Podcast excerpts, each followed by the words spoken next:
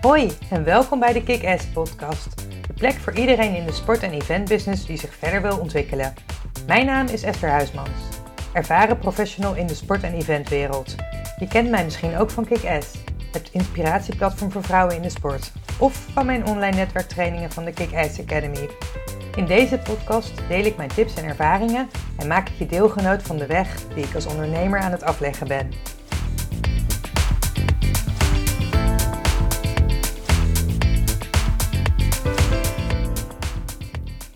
Vandaag ga ik in gesprek met Nicole Bekkers. Wij hebben elkaar ehm, eh, al een keer eerder gesproken in een live interview ehm, ja, over van allerlei ehm, eh, werkzaamheden die zij allemaal uitvoert voor onder andere de KNVB. En dat was zo'n leuk gesprek dat ik heb gevraagd of zij uh, ook een gast in mijn podcast wilde worden. Nicole is onder andere de oprichter van FC88 en zij upcyclen oude, oude sportkleding, maar Nicole kan het zo meteen nog veel beter vertellen. En daarnaast is ze Commercial Strategy and Business Development bij de KNVB. Ehm, Nicole, misschien kun je beginnen met wat over jezelf vertellen. Ja, nou, goeie, goeiedag. Leuk, leuk hier te zijn, inderdaad. Uh, het leuke gesprek van vorige keer was geheel wederzijds overigens, dus, dus leuk om hier weer te zijn. Um, nee, mijn naam is dus Nicole. Ik, ik werk al een hele tijd in de, in de professionele sportindustrie. Uh, eigenlijk altijd in het voetbal. En uh, bij de KNVB verantwoordelijk voor alle commerciële zaken die we daar proberen te, uit te rollen. Uh, onder andere nieuwe sponsors die we daar zoeken. Um, en eigenlijk sinds nou, een kleine anderhalf jaar uh, bezig met onze eigen bedrijf, FC88, samen met, met man, uh, Matthijs Smit. Um, en daar inderdaad upcyclen we en recyclen we oude sportkleding naar nieuwe duurzame producten. Wat leuk. En hoe ben je daarop gekomen? Wel vanuit mijn KNVB-ervaring. Uh, ja. ik, ik, werk al jarenlang dus ook met Nike, onze eigen uh, kledingsponsor. Um, en op een gegeven moment zag ik bij, uh, bij onze kipmanagers ook dat als er nieuwe kleding werd gelanceerd, oude kleding over was en, en ja, daar weinig mee gedaan kon worden. Dus het ging in opslag, er ging wat kleding naar goede doelen, maar er bleef altijd heel veel kleding over. En in plaats van vernietigen of verkopen aan opkopers die, nou, waarvan je niet weet wat zij ermee gaan doen, um, dacht ik, kunnen wij daar zelf intern niet wat mee doen? En toen hebben we eigenlijk een pilot gedaan door die, die kleding uh, te hergebruiken naar vilt. Uh, dus dan krijg je vilt dat echt waar de kleuren van het shirt helemaal in zitten en, en de kleding. En daar hebben wij laptop sleeves van, laten maken voor de medewerkers. Ja. Uh, een eindejaarscadeautje.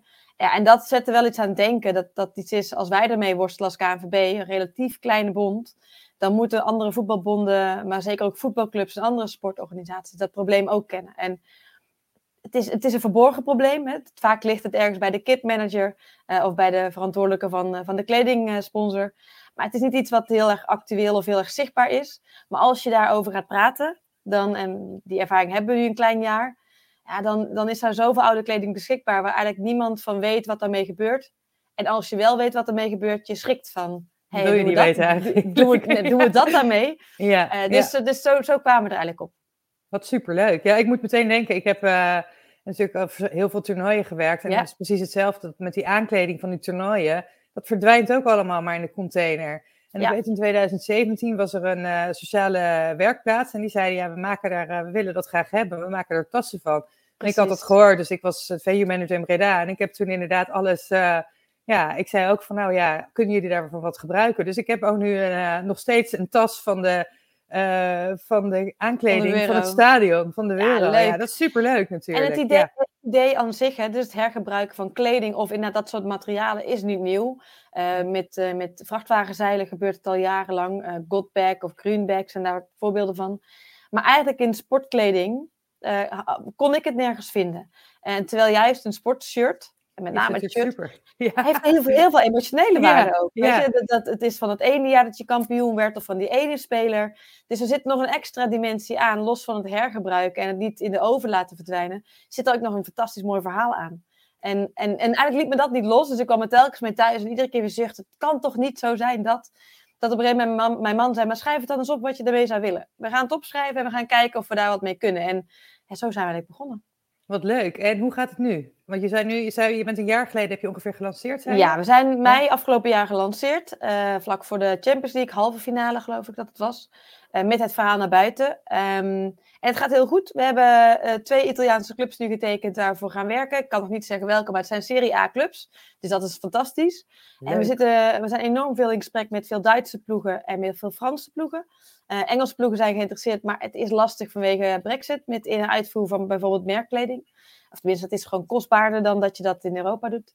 Uh, en we zijn ook al aan het uitbreiden naar uh, wielerploegen.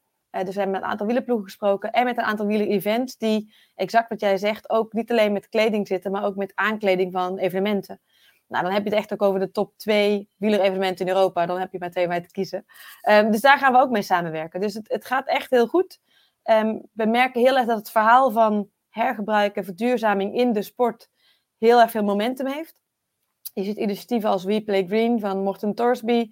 Um, en, en al dat soort zaken ook buiten, uh, bijvoorbeeld de COP26, waar ook de sportindustrie voor het eerst zich een beetje verenigde. Um, dus het momentum is perfect. En ja, wij staan een beetje aan, die, aan de voorkant van die golf uh, om, om met oplossingen te komen voor clubs en voor bonden en voor hun sponsors. Ja, superleuk. Ja, ja. Hey, en, en hoe ziet zo'n samenwerking er dan uit? Want je zegt, we gaan een samenwerking aan. Hoe moet ik, dat, hoe moet ik me dat voorstellen? Nou, uh, misschien een stapje terug, maar wat leuk om onze gedachtegang daar ook over te, te volgen is. We hebben natuurlijk heel lang gedacht, oké, we zijn allemaal, uh, allebei een hele groot sportfan. Net zoals jij dat bent, dan, dan denk je, oké, zou er iemand een tas willen kopen van ons als we dat maken van een oud shirt? Um, moeten we dat dan zelf gaan doen? Gaan we een webshop openen? Uh, zijn wij een B2C retailer waar we niks van weten, waar we ook geen, geen bereik in hebben? Maar goed, zijn we dat dan?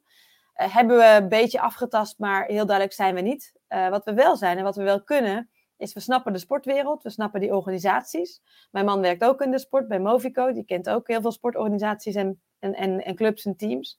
Dus we snappen wat voor hem belangrijk is. We begrijpen de dynamiek met sponsors en met een kledingsupplier. Dus wat wij zijn, is we zijn een white label producent van uh, duurzame producten, gemaakt van oude kleding. En we zijn nu gestart met een tassencollectie. Uh, yeah. Omdat dat iets is wat heel tastbaar en, en visueel sterk is. Uh, maar we zijn uitbreiden naar, naar bucketheads, van die vissershoedjes. Uh, we hebben nu van die, van die heuptasjes. we zijn aan het nadenken over allerlei andere producten. En ons ultieme doel, en daar zijn we nu hard op aan het, aan het researchen, is dat we dat shirt terugbrengen naar garen. Yeah. Dat kan, naar een nieuwe, nee, dus naar een gerecyclede polyester garen. En dat we dan van die garen weer een nieuw sport, sportkledingstuk kunnen maken. Of een okay. nieuw fankledingstuk. Dat ja. is technisch nog heel lastig en dat, dat kost heel veel tijd en geld. Maar dat, dat is het ultieme, want dan zou je van oude kleding weer nieuwe kleding kunnen maken. En dan is de cirkel natuurlijk wel mooi rond. Maar ja, aan de andere kant is ook alweer juist heel leuk voor de fans om zo'n tas te hebben van een auto. Want ik zeg, dat kan ik me voorstellen dat het een soort gadget Zeker. is. Zeker. En een soort verzameling die je dan, uh, die je dan En dat zal, creëren. dat zal altijd ja. kunnen, hè? want je hebt, als je kijkt naar die collectie van kleding. Het shirt is eigenlijk het makkelijkste kledingstuk. Maar wat dacht je van alle trainingsbroeken, alle sokken, alle korte broeken, Ja. alle jassen. En dat Klopt. zijn kledingstukken die moeilijker eh, als shirt, eh, shirt kun je makkelijk nog weggeven. Of, eh, maar juist met zo'n volledig recyclede methode, dan kun je ook al die andere kleding een tweede leven geven. En, en hè, je, ja. je vroeg naar de samenwerking, dus wij maken dat voor een club. ehm, en zij verkopen het of geven het weg of maken het onderdeel van een fancollectie. of het is onderdeel van een partnership met de shirtsponsor die natuurlijk ook op dat shirt staat. Dus dat is een beetje divers. En wat is dan jullie eh, verdienmodel daarin? Welk gedeelte? simpelweg een hele platte marge op, eh, op de productie. Oké, en eh, we zijn een social enterprise, dat zijn we, dat blijven we. Dat betekent, we zitten niet in om, om hier rijk van te worden of om ons pensioen mee te verdienen, maar we willen gewoon een beweging in gang zetten. En ehm, de uitdaging is daarin dat de traditionele merchandise natuurlijk in China vaak wordt gemaakt of in Azië wordt gemaakt met hoge marges voor degene die uiteindelijk het, product verkoopt. Wij produceren in Europa, bewust, eh, bij bedrijven waar we weten hoe het er arbeidstechnisch voor staat. Dat kost natuurlijk meer geld eh, dan dat je dat ergens anders eh, zou doen. Dus het, het zijn ook, we kunnen ook geen hoge marge pakken, willen we het een, een, een verdienmodel voor de club laten zijn. En dat is voor ons het belangrijkste. Dat we zoveel mogelijk shirts en kleding uit de vuilnisbelten of uit de verbrandingsoven houden. Mooi. Maar ehm, je zei, je noemde net al even een van de ambities die jullie hebben. Ik kan me voorstellen dat hier best veel tijd in gaat zitten. Jullie hebben volgens mij allebei, nou ja, ik weet niet of je fulltime werkt, maar eh, allebei nog een, in ieder geval een eh, volledige baan daarnaast en een gezin. Ja. Ten eerste, hoe combineer je dat allemaal? En ten tweede, Hoe zie je daar dan je toekomst ook in? Zie je het als iets van daarnaast of zie je dat je dat uit handen geeft? Of hoe moet ik me dat voorstellen? Ja, goede vraag. En, en dat laatste heb ik niet direct een antwoord. Daar kom ik zo meteen wel even op terug. Maar we werken allebei fulltime inderdaad. Uh, dat doen we wel in vier dagen. Uh, dat weet je ook, in de sportwereld is niks. Een werkweek is, hetzelfde. Dus dat zijn ook veel avonden en weekenden. En dat betekent dat je soms door de week weer wat tijd hebt. Maar wat allebei, uh, dus een, dag in de week ook hierheen kunnen stoppen. Dat is natuurlijk heel veel. Ja, gewoon heel veel avonduren. Daar moet ik ook heel eerlijk in zijn. Weekend gaat er af en toe wel eens aan, aan voorbij. Maar ja, tegelijkertijd het drijft ons. Het, is een, het vuurtje is aangestoken, dus dan is dat niet erg. Um, het is wel zo dat je op een gegeven moment af moet spreken wanneer gaat de deur even dicht op dit onderwerp. Zodat je ook weer uh, gewoon even je gezin, je, je gezin en je relatie Kunt, uh, kunt onderhouden. Ja. Ja. Ja, dat begrijp ik. Ja. En je, tweede vraag hè, was van hoe zie je de, de toekomst? Um, we staan nu een beetje op zo'n momentum. We zijn hier ook gewoon met, met nou, open vizier ingestapt. Wij vonden zelf dat we een goed verhaal hadden en dat onze motivatie oprecht is. Uh, en we nu weer zien dat dat heel erg resoneert bij voetbalclubs, uh, wielerploegen en dat soort zaken. Uh, en de deals echt ook beginnen te vallen. En dan staan we nu een beetje op het kruispunt van wat gaat dit worden. En omdat we ook allebei heel open met onze werkgevers hierover praten, die ons ontzettend goed steunen en, en ook dit fantastisch mooi vinden wat we doen. Ja, moet het komende half jaar tot jaar dat een beetje uit gaan wijzen. Um, blijft het een, ik noem het even denigrerend, een side hustle? Of gaat het iets worden waar je echt in kunt stappen? En ook weer afhankelijk van dat R&D-stuk, lukt het ons om die technologie te ontwikkelen van garen naar, of van shirt naar garen naar nieuw shirt, ja, dan heb je wel weer, dan is de wereld nog veel groter voor de potentie. En dan, dan zie ik het heel goed uh, mogelijk dat een van ons twee en misschien later allebei hier gewoon vol ingaan. Dus dat je toch wel je pensioen daarin ook ophoudt. Ja, of in, in, ieder geval je, je, ja, je dagdagelijkse taken hierin ja. gaat stoppen. Ja, ja. ja. En sowieso, um, we hebben het er vorige keer ook al even over gehad, maar um, uh, de combinatie met je gezin. Ik bedoel, je hebt jonge kinderen. Hoe, uh, hoe doe je dat? En ook als je met je partner in eenzelfde bedrijf werkt. Ik kan me voorstellen dat daar uh, best wat uitdagingen in zitten. Ja, op een of andere manier. Ik ben al lang samen met Matthijs, maar wij vullen elkaar perfect aan. Dus wat hij, waar hij goed in is, ben ik niet goed in. Dat vind ik niet leuk. En vice versa. Um, dat helpt sowieso, want niet alles, is even, uh, niet alles is tegelijkertijd even druk. Dus soms zit je veel meer in sales of zit je veel meer in het logistieke proces. En de andere keer is het strategie en R&D. Ehm, ik denk, ja, ook gewoon tomeloze energie. Heel simpel. Um, en, en ook wel opa en oma's die, die, uh, die dit ook heel mooi vinden en ons überhaupt in de carrière heel erg steunen. Dus nou, als ik uh, vorige maand vijf dagen naar Dubai moet voor het werk, en Matthijs zijn werk het ook gewoon door. Dan is er ook Open Oma die aan beide kanten die, uh, die inspringen. Um, dus het, het, is, het is uh, soms schipperen, maar volgens mij heeft niemand er last van, behalve Matthijs en ik en onze nachtrust af en toe. Um, en dat, uh, dat houden we ook zo. Nee, dus dat is goed, nog goed te doen, ja. Maar we Mooi. zijn ook niet anders gewend. Dat, dat, dat scheelt natuurlijk nee, ook. Altijd in de sport gezeten, langzamer. Dus dan, dan ja, is het ook een beetje zoals, zoals het is. Ja, en misschien kan je ook nog kort even vertellen hoe jij destijds in de sport terecht bent gekomen. We hebben het er natuurlijk vorige keer over gehad, maar dat komt dan in de podcast. Uh, is wel leuk om even te horen, ook in, ja. in, in, deze podcast. nee, nee, tuurlijk. Nee, ik, uh, ik heb SPECO gestudeerd, de sporteconomie in Tilburg. En uh, toen begon ik een halfjaartje bij de farmaceutische industrie uh, op de marketingafdeling. Was vrij snel niks van mij.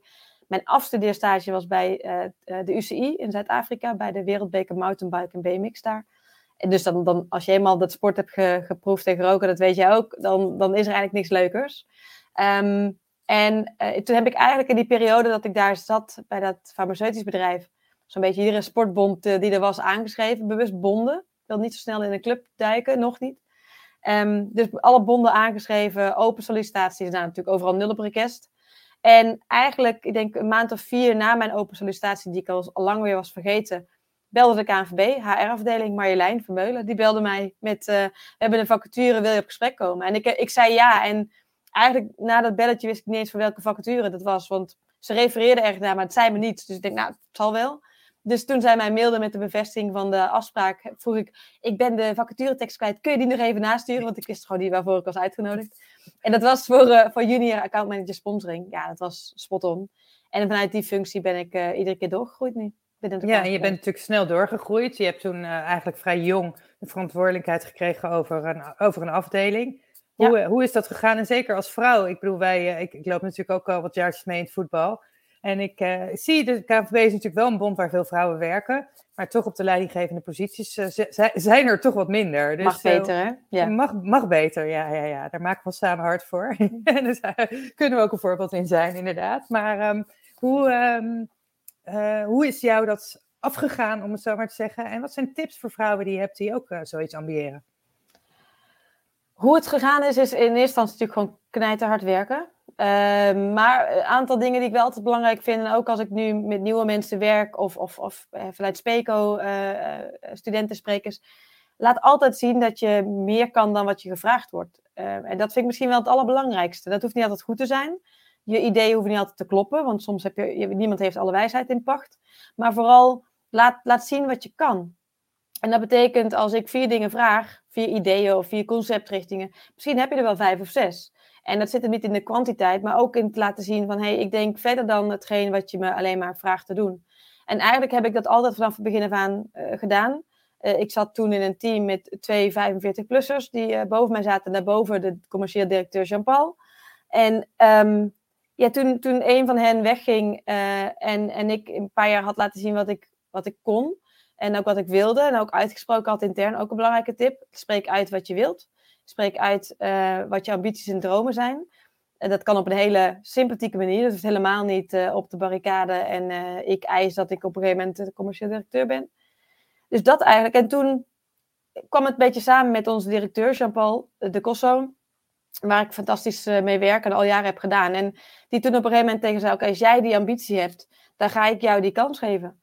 En uh, daar heeft hij zijn nek hartstikke ver voor uitgestoken. En um, toen heb ik laten zien dat ik, dat ik kon wat hij geloofde dat ik zou kunnen. Hij heeft toen ook gezegd, als je op je bek gaat, ga ik voor je staan. Dus ja, aarzel niet om de dingen te doen zoals je ze nu doet. Ga niet in één keer verkrampt zitten, oh nou heb ik die afdeling onder me. Um, en dat team, dat, dat was toen uh, nou, de eerste drie mannen, of jongens, mannen, zelf aangenomen. En inmiddels is dat een mannetje of twaalf. En, en, en een van de jongens uit mijn team, is daar nu weer het leidinggevende van. Dus ja, dat is dan echt, echt heel super. Echt heel leuk. En zijn er dingen waar je tegenaan bent gelopen toen? Of zijn er dingen waar je als vrouw tegenaan bent gelopen die je als man misschien minder snel had gehad? Ja, ik denk met name denk ik wel een beetje een open deur. Maar is, um, je hoeft maar een gesprek in te gaan. Dat wordt minder naarmate je ook ouder wordt. Ik word nu, was nu toen 25, nu 34. Dus dat zie je er ook gewoon anders uit, laat eerlijk zijn. Maar op je 25ste, als je dan een, een salesgesprek instapt als manager van de afdeling met twee mensen uit je team. En dat de andere kant van de tafel toch in eerste instantie zijn gesprek en zijn ogen opent op de mannen aan tafel. Eh, ja, en dat heb ik, dat heb ik regelmatig meegemaakt. Steeds minder. Um, maar dat, dat gebeurt. Omdat men dan toch, zeker aan de andere kant, vaak ook mannen zijn. Dat, dan, je ziet aan de ogen, aan de houding, aan de tonatie, dat hè, dat, dat in eerste instantie daarop wordt gericht. En ik, ik kan me nog een heel goed gesprek voor de geest halen met, uh, uh, met een collega van me uit mijn team, Dennis Hogeboom ken je waarschijnlijk ook, oud Heineken-man, uh, zit bij ons in het team. En wij samen gingen op salesgesprek. En ik zal niet noemen bij welk bedrijf. Um, en uh, alles vanuit, en het waren twee jonge jongens, de eigenaren, alles werd gericht op hem. Totdat hij op een gegeven moment zelf zei, ja, um, ik zal even vragen, Nicole, wat vind jij daarvan? Als, als manager van de afdeling, hoe zie jij dat? Ja. Letterlijk mij in positie brengen ja. om, om daarmee het naar me toe te trekken. En dus dan moet je ook, zo iemand moet je ook aan je zijde hebben natuurlijk. Uh, en daar is hij fantastisch in. Maar dat, dat, dat gebeurt, gebeurde vaak. Gebeurt nu niet meer. Uh, of, of, veel minder. Dat heb ik wel vaak meegemaakt. Dat er toch de verhouding, machtsverhouding, uh, dat het toch heel traditioneel nog steeds wordt gezien. En hoe ben je daarmee omgegaan op dat moment? Ja, ik ben wel een beetje, mensen... ja, ik ben dan wel een beetje een bijtertje dat ik dan toch wel probeer, uh, ik probeer het dan subtiel, het zal ongetwijfeld soms niet subtiel zijn, door te laten schemeren wie ze aan tafel hebben. En, en ook wel in ons team nooit zo concreet besproken, maar op een of andere manier allemaal, weet je, mensen van dezelfde generatie. Dus voor niemand in ons team is dat gek dat er een vrouw de manager van de afdeling was. Dus dan in, in naarmate wij wat vertellen, um, zijpelt echt wel door als er al een machtsverhouding zou moeten zijn, maar hoe die dan zou liggen. Um, en ik was het ook gewoon in woorden gewoon. Dat, ik, dat, dat letterlijke zinnetjes van, nou dat zal ik meenemen wanneer ik met het MT dit bespreek. En dan, nu benadruk ik, ik misschien wel heel erg, maar yeah. ja, waardoor je denkt, oh wacht even, dat, dus jij zit aan die MT. En, en ik vind eigenlijk onzin dat het nodig is, want uiteindelijk gaat het om inhoud. Um, maar ja, zeker in onderhandelingen. En dus ook aan te geven met wie ze aan tafel zitten, welke nou, beslissingsbevoegdheid ik heb, of welke ruimte ik mag pakken in onderhandeling. Ja, dan is dat wel belangrijk dat ze weten met wie ze aan tafel zitten, letterlijk. Heb je het dus idee ook dat je dan harder moet bewijzen ook, als, uh, harder hebt moeten bewijzen als vrouw? Eigenlijk niet. Maar ik denk dat het ook wel komt door, doordat bijvoorbeeld Jean-Paul in, intern in ieder geval, al bewijslast nodig was, dat altijd bij mij weggehouden heeft, is. Waardoor ik gewoon altijd ook heb kunnen laten zien wat ik kon zonder druk te voelen. Ik weet niet of het er is geweest intern hoor. En extern helemaal niet. Want ik denk dat, dat als je kijkt naar ons wereldje, hè, waar jij ook in zit, eh, dat zijn best veel vrouwelijke sponsormanagers. Er zijn best veel vrouwelijke. Dus ja, daar heb ik dat niet echt. Nee, dat, ik, ik kan dat niet echt, uh, echt zeggen. Nu ben ik natuurlijk ook een blanke vrouw. Dat scheelt natuurlijk ook nog. Dus ja, ik heb dat niet zo meegemaakt.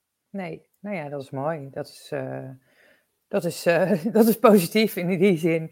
Nou ja, ik denk ook, ik, ik, toevallig had ik vorige week dat ik luisterde naar een of andere sessie en toen gaf een man aan van de Rabobank, die zei, ja, op het moment dat er twee mensen tegelijkertijd, of gelijke uh, kwalificaties hebben, zegt dan kies ik voor de vrouw, want die heeft harder haar best moeten doen om te komen waar ze nu staat. Dus die heeft ik denk meer in algemene, zin, in algemene zin is dat denk ik wel hoor.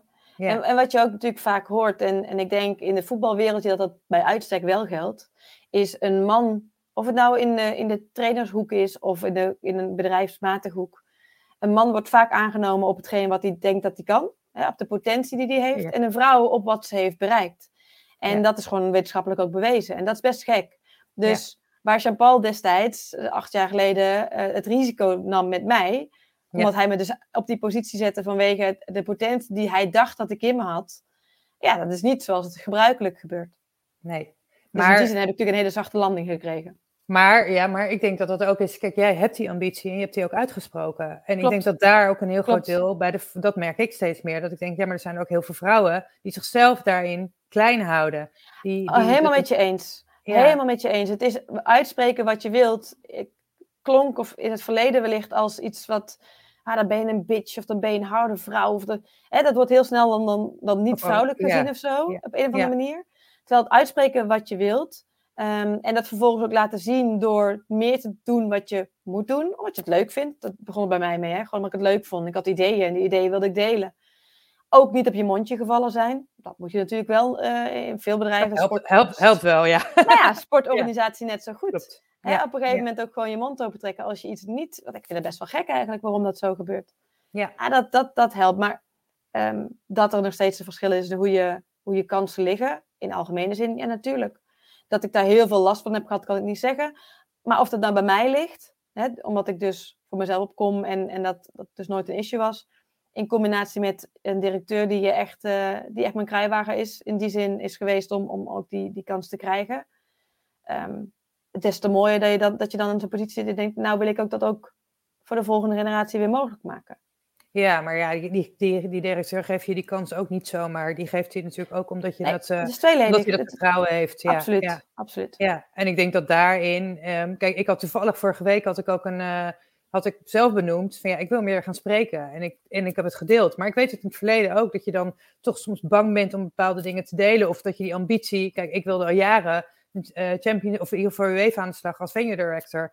En ik wil, in het begin heb ik dat ook helemaal niet, niet ik heb het echt een aantal Gedeeld, mensen, maar niet, echt, niet uitgebreid gezegd. Spannend, ja, Stel dat het niet zou lukken, of de afgang, of weet ik, er zijn allerlei stemmetjes in je hoofd die je dan daarin tegenhouden. Maar alleen negatieve dingen, gek Ja, klopt. In plaats van dat je denkt van, nee, maar wat kan dan wel? En ik heb, ik bedoel, ik heb het wel besproken hoor, ik heb ook met mensen erover gehad, dus het is niet dat ik het helemaal niet heb gedeeld. Maar dan denk ik, ja, maar stel, het lukt niet. En nu denk ik, ja, maar weet je, uh, waarom zou het, ten eerste, waarom zou het niet lukken? Hoe meer mensen ervan weten, hoe groter je kans is. En je bent ook gewoon bereid ook om, om, om er echt alles aan te doen om daar te komen. Ja, en ik dus denk, iets wat jij net in het begin zei, vond ik al heel erg treffend voor mij tenminste. Um, het, het redeneren van wat als het niet lukt, is iets heel geks. Ja, Want je gaat niet iets nieuws beginnen met dat het gaat niet lukken. Nee, dus even eh, de referentie naar FC 88. Nou, ik heb er drie kwart jaar mee rondgelopen, totdat iemand thuis bij mij zei, ja, maar ga het dan gewoon doen. Als het in je hoofd zit en je droomt erover en je kunt zo een businessplan oplepen, ga het dan doen. Ja. maar wat dan als het niet lukt? Ja, dan heb je toch het geprobeerd. Dan kun je... Nee, je hebt één leven. Als je het nu niet probeert, gaat iemand anders over twee jaar ermee komen misschien. Of over een half jaar. Dan denk je, had ik maar. Ja, dus, eh, dus het, ja, nee, zeg maar, zeg maar. Dus vooral niet inderdaad van, wat als op je bek gaat? Nou, dan heb ik iets heel moois geleerd en dan, is, dan, dan, dan vloeit er verder geen bloed. Dan, dan, dan ga ik dat ook lekker mee om. Heb ik heel veel geleerd. Nou, is dat het? Ja, en dan gaat het leven gewoon door. En eigenlijk ga je ook niet op je bek. En dat is natuurlijk een beetje Precies. Punt. En dat is natuurlijk, ik, ik weet in, in bijvoorbeeld in Meri of in de Verenigde Staten hebben ze natuurlijk op het moment dat jij uh, failliet bent, jee man, dat is echt goed gedaan. Maar in Nederland is natuurlijk heel snel het gevoel van, oh je gaat op je bek, haha, het is niet gelukt. Of nee, niet haha, dat is helemaal niet hoor. Maar voor de haters, om het zo maar te zeggen. Terwijl ik zie dat gewoon, en dat, ik vind die weg die ik als ondernemer daarin ook aan het afleggen ben, ja, het is zo mooi, ook over jezelf. Je leert zoveel over jezelf. En dat zul jij denk ik ook wel ervaren. Want je moet natuurlijk continu moet je nieuwe dingen doen. En, en um, dat zul je bij in werk ook hebben gedaan. Dat heb ik ook in ieder geval wel. Maar ik zie daarin nu dat ik denk, wow, ik leer ook zoveel over mezelf. Je bent heel veel, je bent super kwetsbaar, je bent op heel veel dingen oncomfortabel. Maar als je het doet, voel je je te gek. Ja. En, en vooral mijn stemmetje het achterhoofd, wat veel sterker geworden is. Um, wat nou als ik spijt krijg dat ik het niet gedaan heb? Ik zal waarschijnlijk geen spijt krijgen dat ik het wel gedaan heb. Want je, haalt er altijd iets uit. Je leert er iets uit. Je, je, je netwerk wordt groter. Uh, je hebt voor jezelf iets over. Je haalt er altijd iets uit. Maar als ik het niet doe, dan weet ik niet wat het geweest is. En het, is allemaal, allemaal cliché op cliché. Maar ja, het is zo zonde als je je daar laat belemmeren. Want wat je zegt, je gaat niet aan het einde van je leven denken: ik had dat nooit moeten doen. Nee, Nee, uh, ik had, dat heb ik heel lang ook als, als mijn, mijn soort van quote. You only regret things you didn't do. Dat en dat is, is, is natuurlijk ook echt zo. En als ik dan hoor, en dat zie ik, ik heb natuurlijk veel gesprekken ook met vrouwen, inspiratiesessies en dergelijke. En dan denk ik, oh, waar ze zichzelf allemaal in tegenhouden. Dingen die ze willen, die, de doelstellingen die ze hebben, ambitie, maar zich niet durven uitspreken of die stap niet durven zetten.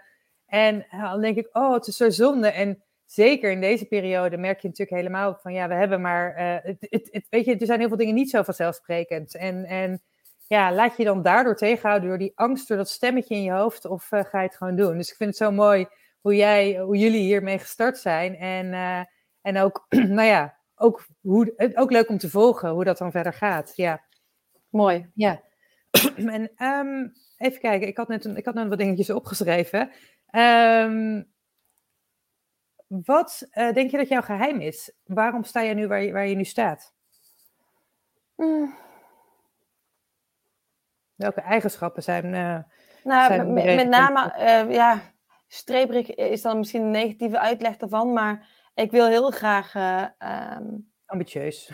ja, ambitieus impact willen maken. Ik wil, echt iets doen, ik wil echt iets doen wat iets betekent. En cliché, vol, het volgende cliché als je kinderen krijgt, wordt dat, werd dat voor mij nog, nog sterker. Waaronder ook FC88. Dus wel echt, je wilt iets doen wat iets betekent. Ik wil echt iets, iets positiefs hebben betekend. En ehm, in de voetbalwereld kan ik dat nu perfect kwijt bij de KNVB. Wat, wat me lukt met partners, dat betekent letterlijk dat we meer voetballers kunnen helpen, uh, meer trainers kunnen opleiden. Dus dat is heel concreet, heel tastbaar. Ik denk dat. Um, ik denk ook ergens een stukje, uh, niet naïviteit, maar onbevangenheid.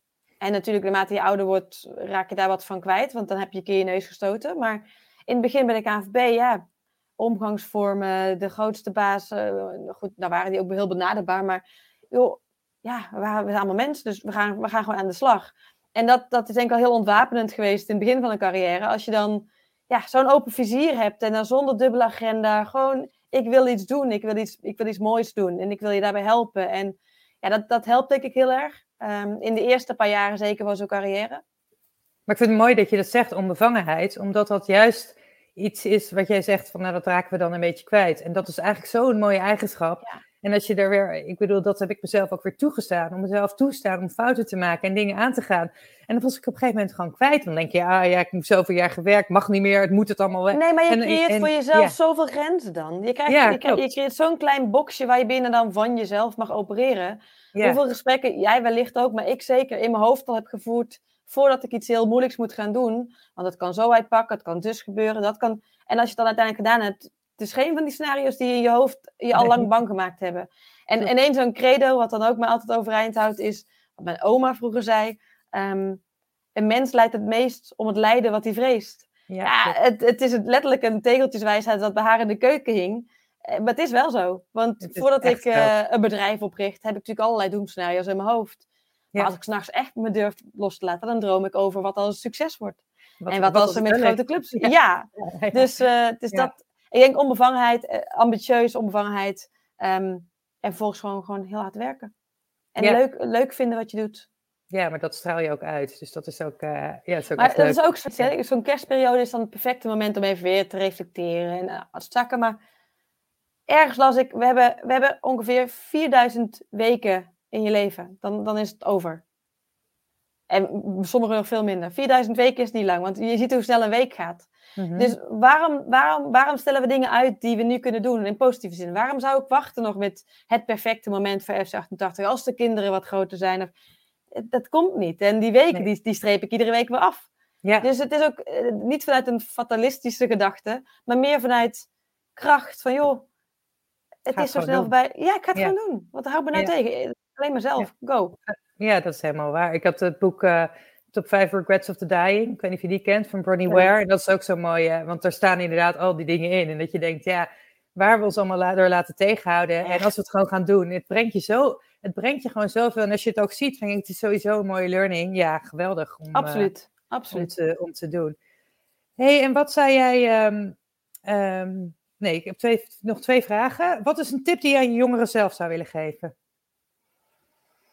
Uh, laat je stem horen. Ik, ik zie te vaak, ook bij ons, en ook ik doe daar mee, dat we het proberen te bedenken voor de jongeren. En, en dat, dat kan helemaal niet. We weten niet wat, wat hen drijft. We weten niet wat ze echt bezighoudt. We weten niet waarom ze wel of niet tot iets, een actie over zouden gaan. Ik, ik zou heel erg openstaan voor veel meer jongeren gewoon uh, al in het bedrijfsleven te betrekken. Dus laat je stem horen of, of, of zoek manieren op om dat te doen. Um, en je impact die je kunt maken als individu is zoveel groter dan je misschien denkt wanneer je achter uh, je laptop zit of in de schoolbanken. Onderschat dat niet. En we hebben heel veel behoefte aan, aan positieve jonge stemmen. Dus kom maar op. Ja. Ja, ik vind dat ook, dat vind ik ook leuk. Want dat zie ik zelf ook. Ik werk dan met Emma samen. En als ik dan zie hoe fijn ik dat vind om met mijn jongere meid samen te werken, die uh, super ook enthousiast en ambitieus is.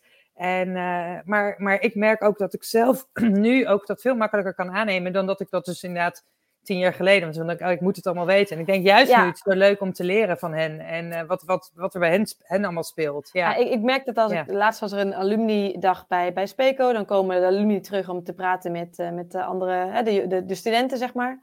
En dan, voordat ik een praatje hou, ga ik eerst vragen stellen van wat wil je van me weten. En het zijn allemaal vragen die ik inderdaad ook had willen weten 15 jaar geleden.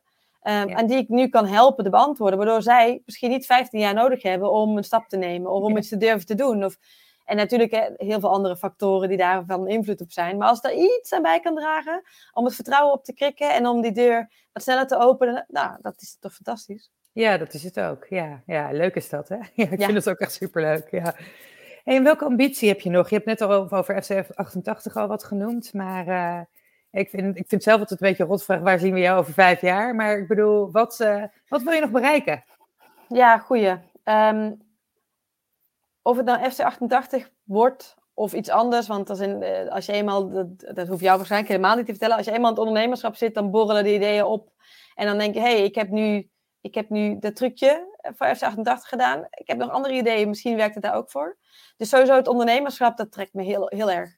En, en die ruimte is ook binnen de KNVP, want ook daar hebben we met nou, niet-traditionele voetbalvormen te maken en, en andere belevingsdingen uh, um, die niet zeg maar, in de 11 tegen 11 voetbalvorm zitten. Maar Sowieso het ondernemerschap trekt me heel erg.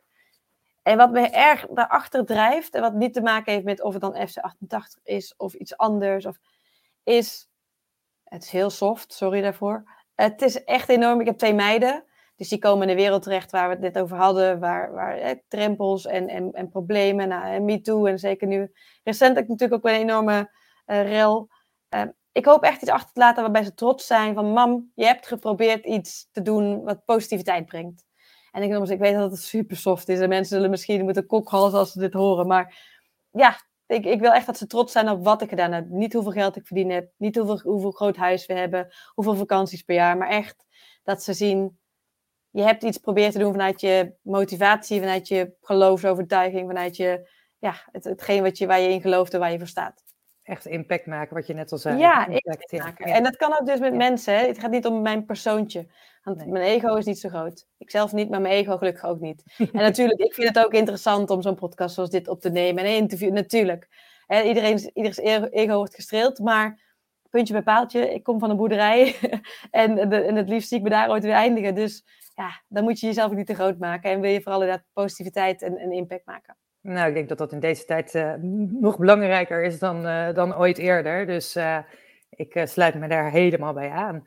Ten slotte, um, ben ik nog iets vergeten te vragen? Is er nog iets waarvan je zegt, nou, dat wil ik ook nog graag kwijt? Waar kunnen we jou, um, nou ja, jouw site vinden? Dat kan je misschien nog even toelichten. Ja, ja dus um, thisisfc88.com. Dat is onze website waar je in ieder geval kunt zien wat we doen.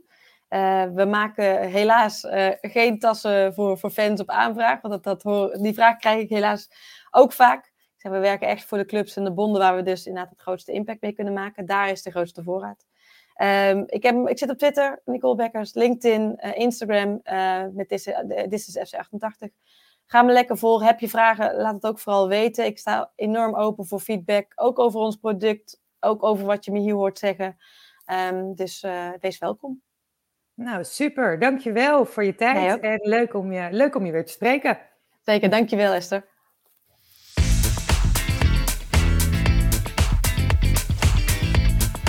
Dit was de aflevering van vandaag. Heel erg bedankt voor het luisteren. Vond je deze aflevering waardevol? Dan zou het heel fijn zijn als je een review wilt achterlaten op iTunes of op Spotify. Tot de volgende keer!